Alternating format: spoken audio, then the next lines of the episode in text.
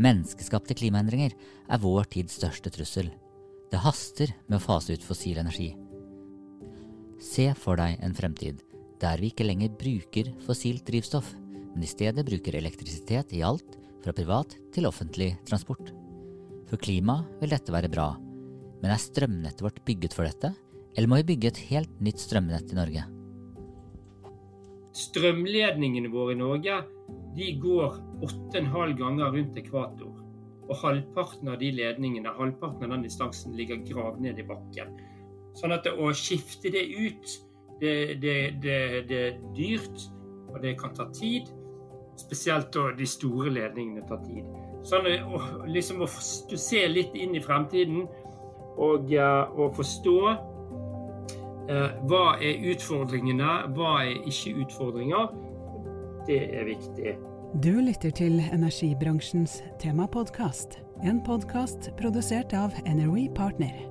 Sendingen inneholder annonsørinnhold fra Syneldi, Center for Intelligent Electricity Distribution, ledet av Sintef med støtte fra Norges forskningsråd og partnerne i senteret. Jeg heter Skjult Kristian Aamodt, og jeg er energiambassadør i Energy. Du lytter til episode fem i en podkastserie der vi forsøker å forstå hvordan fremtiden vil se ut dersom vi lykkes med storstilt elektrifisering av transportsektoren.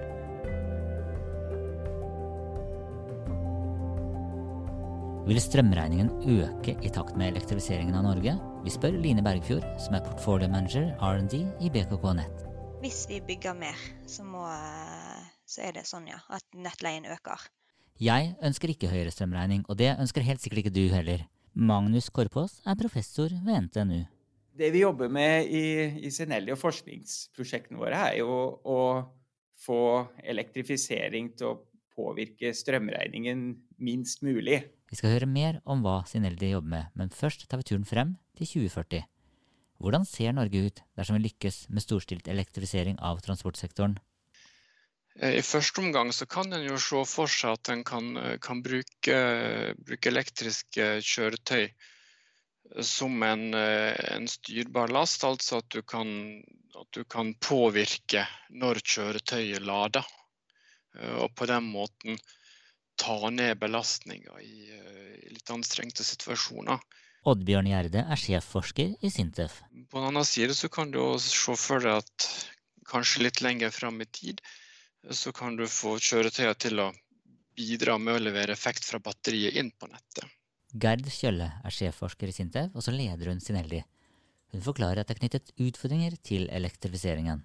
F.eks. fergeselskaper da, som skal elektrifisere, og som da trenger veldig mye effekt for å lade ferja når de ligger til kai. Eller at det er hurtiglading av mye persontrafikk og tungtransporttrafikk, så man trenger store hurtigladestasjoner. Og det vil kreve veldig mye av kraftnettet framover. Vi får hjelp av Hanne Sele, som er forsker i Sintef, til å forstå mer. Der er det jo snakk om kanskje ti minutter og mindre. Sånn at på den korte tida så må de da lade. Og det krever store effekter. Vi skal lades fort og mye strøm på en gang. Men enhver utfordring er også en mulighet. Så kan man se for seg at fergeselskapene investerer i store batterier på land, som man bruker til å lade, og som man da vil ha så stor ytelse at de også kan gi eh, brukes som en tjeneste overfor nettselskapet til å eh, være nettstøtte, som vi kaller det, i en tunglastsituasjon eller f.eks. i en feilsituasjon. Eh, sånn at man får den fleksibiliteten som det batteriet da kan gi, eh, inn som en støtte i nettet. Geir Kjølle får støtte av Christian Finnebro Hansen i Haugland Nett. Både så er jo batterier et kjemperessurs for nett i forhold til muligheten til å regulere. Eh, både for kundene sin del og for nett sin del. I fremtiden kan altså fergebatterier spille en rolle inn i mikronettet. Vi ber Olav Fosso, som er professor ved NTNU, om å gi oss en forklaring på hva som menes med et mikronett. Altså, Mikronett anser det som det er en gruppe med produksjon av belastninger som hensiktsmessig kan kjøres i sammenheng ved planlegging og drift. For mange så tenker jo at mikronett er et isolert system som blir drevet separat. og Det vil jo være tilfellet i veldig mange land der det er elektrifisering som er problemstillingen. Eh, sånn som vi har definert mikronett i Sineldi, så kan disse enten drives isolert eller sammenkobla. Og ved isolert drift så må det være ressurser i form av produksjoner eh, og lagringsenheter som gjør det mulig å balansere tilgang og etterspørsel over tid. Eh, I tilkobla drift vil, kan det være fysiske overføringsbegrensninger som kan motivere for å modellere delsystemet som en egen enhet, eller det kan tenkes som en mer, mer, virtuell sammenkobling som gjør at en gruppe vil agere sammen. Så det trenger ikke nødvendigvis være begrensa av fysisk nett, men det kan også være noen som ønsker å agere sammen. Altså, de som bor i det mikronettet, de har jo og de har jo en backup hvis det skulle bli større feil i kraftsystemet, så klarer de seg sjøl. Hanne Sele forklarer at også nettselskapet kan dra nytte av mikronettet. For nettselskapet, DSO-en, sier si at ok, her er det, det er for høy belastning i nettet, sånn at de må koble ut noe forbruk. Og da kan de kanskje koble ut det mikronettet, fordi de, de vet at de klarer seg sjøl. Vannkraften vår er helt unik. Vannmagasinene kan fylles og tømmes ved behov. De fungerer som gigantiske batterier. Slik er det ikke med vindkraft og solkraft, som kun kan produsere når vinden blåser og solen skinner. Vi må ha fleksibilitet fordi at det som vi putter inn i kraftsystemet av strøm, og det som vi tar ut av kraftsystemet av strøm, hele tiden må være i balanse. Ove Flataker er direktør for reguleringsmyndighet for energi i NVE. Det er en ligning som må være, gå opp. Det må være helt likt. Uh, og siden vi uh, hver og en av oss slår av på strømmen akkurat sånn som vi har lyst, uten å spørre noen, så må, er det da noe produksjon som da må endres og justeres i takt med forbruket for å opprettholde den balansen. Og så er greia det at produksjonen den er i ferd med å endrer seg drastisk. Vi i eh, Norden og Europa faser ut kullkraft, gasskraft, kjernekraft, og faser inn sol, strøm og vindkraft i, i stor skala. Og eh, Den nye strømmen, den nye måten å produsere strøm på, er ikke like godt egnet til å å følge forbruket når det gjelder å opprettholde den balansen. Tvert imot så er det sånn at vind og sol uh, produserer strøm avhengig av været. Så da må vi finne andre måter å ivareta den balansen på. Og der kommer jo inn at forbruket må også bidra til å opprettholde den balansen for totalsystemet. Så det er den ene måten vi må ha fleksibilitet på. Den andre grunnen til at vi bør ha fleksibilitet, det at vi skal unngå å investere i mer kostbart strømnett enn det som er nødvendig. Fordi at eh, det, Strømnettet det har en gitt kapasitet, alle komponenter har en gitt kapasitet. Og vi kan ikke putte inn mer strøm enn det er laget for, for da blir det svart. Vi kan ikke ha kø i strømnettet, det blir svart. Christian Brunsgaard Eek er sivilingeniør i elkraft og jobber med utvikling av fremtidens smarte strømnett, analyser og utviklingsprosjekter i Norgesnett. Han forteller at det er positivt med mer sol og vind inn på nettet. Det gjør at, vi, eh, at det trekker mindre energi fra nettet, og det gjør at det blir mindre tap i nettet. Eh, så vi slipper den store utfordringen med at alt må produseres innenlands og transporteres utover. Eh, som da holder nettleiekostnadene nede, og vi ikke trenger å investere så mye. Men er det sånn at vi alle bør få solceller på taket? De prognosene på det som jeg har sett fra NVE, så er det ikke veldig mye som trengs. Så det betyr ikke at alle må ha solceller på taket.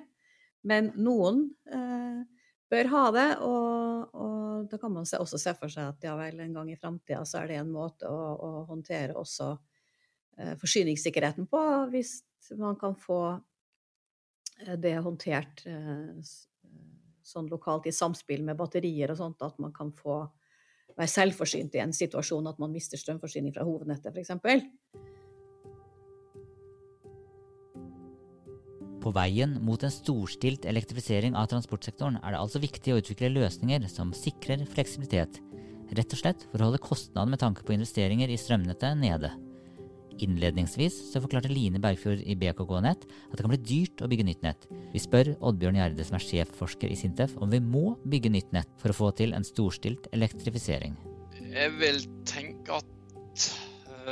Svaret på det er vel litt begge deler. Noe nett må sikkert bygges på nytt.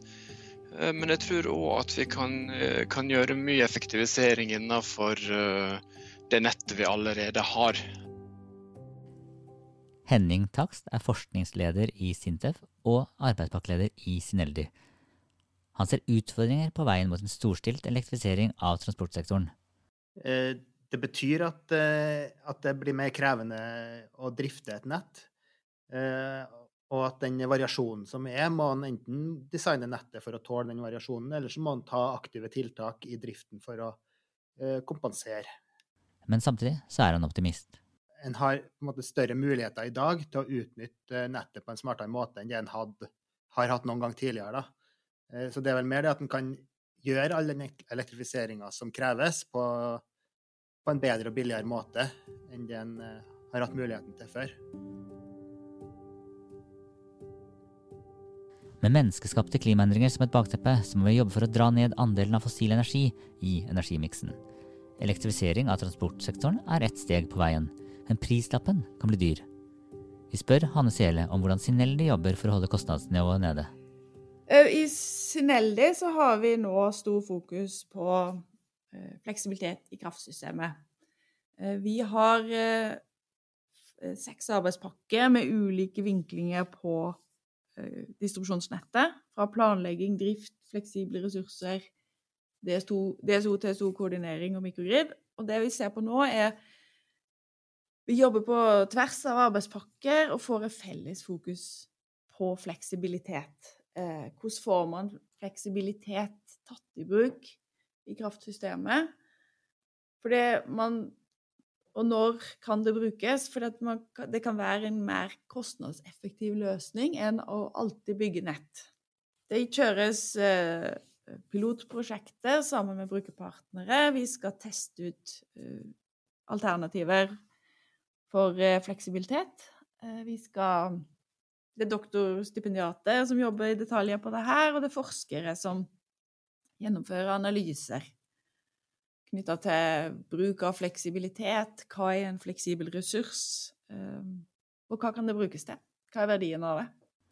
Magnus Korpås fortsetter. Jeg tenker at dette kan ha veldig høy verdi, da, ved at vi prøver å se litt, eh, litt lenger fram enn liksom de første neste tre-fire åra, og så prøver vi også å se noen år fram, i dette tilfellet kanskje 20 år fram, da, og ser hva slags behov er det vi ser da, eh, og hva er det vi må gjøre nå, eh, og også legge til rette for nå, for også være i stand til å måtte bygge og drifte et, et, si, et økonomisk fornuftig og teknisk velfungerende kraftsystem. Når vi får inn eh, veldig mange andre typer eh, eh, strømbehov eh, enn det vi har i dag, med andre typer effekttopper eh, og, og, også mer konsentrert eh, forbruk i form av ikke bare hurtigladestasjoner, men kanskje sant, sånn elektrifiserte havneområder og slike ting som krever kanskje mye nytenking på, på, på deler av, av, sånn som vi jobber med, med, med, både nettplanlegging og drift. Sineldi jobber for smartere nettutbygging. Vi lar Oddbjørn Gjerde avslutte med å minne oss på hvorfor det har noe å si for nettopp deg. Jeg tenker først og fremst at, uh, at smartere nettutbygging uh, betyr at, uh, at vi kan gi et bidrag til å holde nettleia nede. Jeg heter Skjul Kristian Aamodt, jeg er energiambassadør i Energy, og du har lyttet til episode fem i en podkastserie der vi forsøker å forstå hvordan fremtiden vil se ut dersom vi lykkes med storstilt elektrifisering av transportsektoren.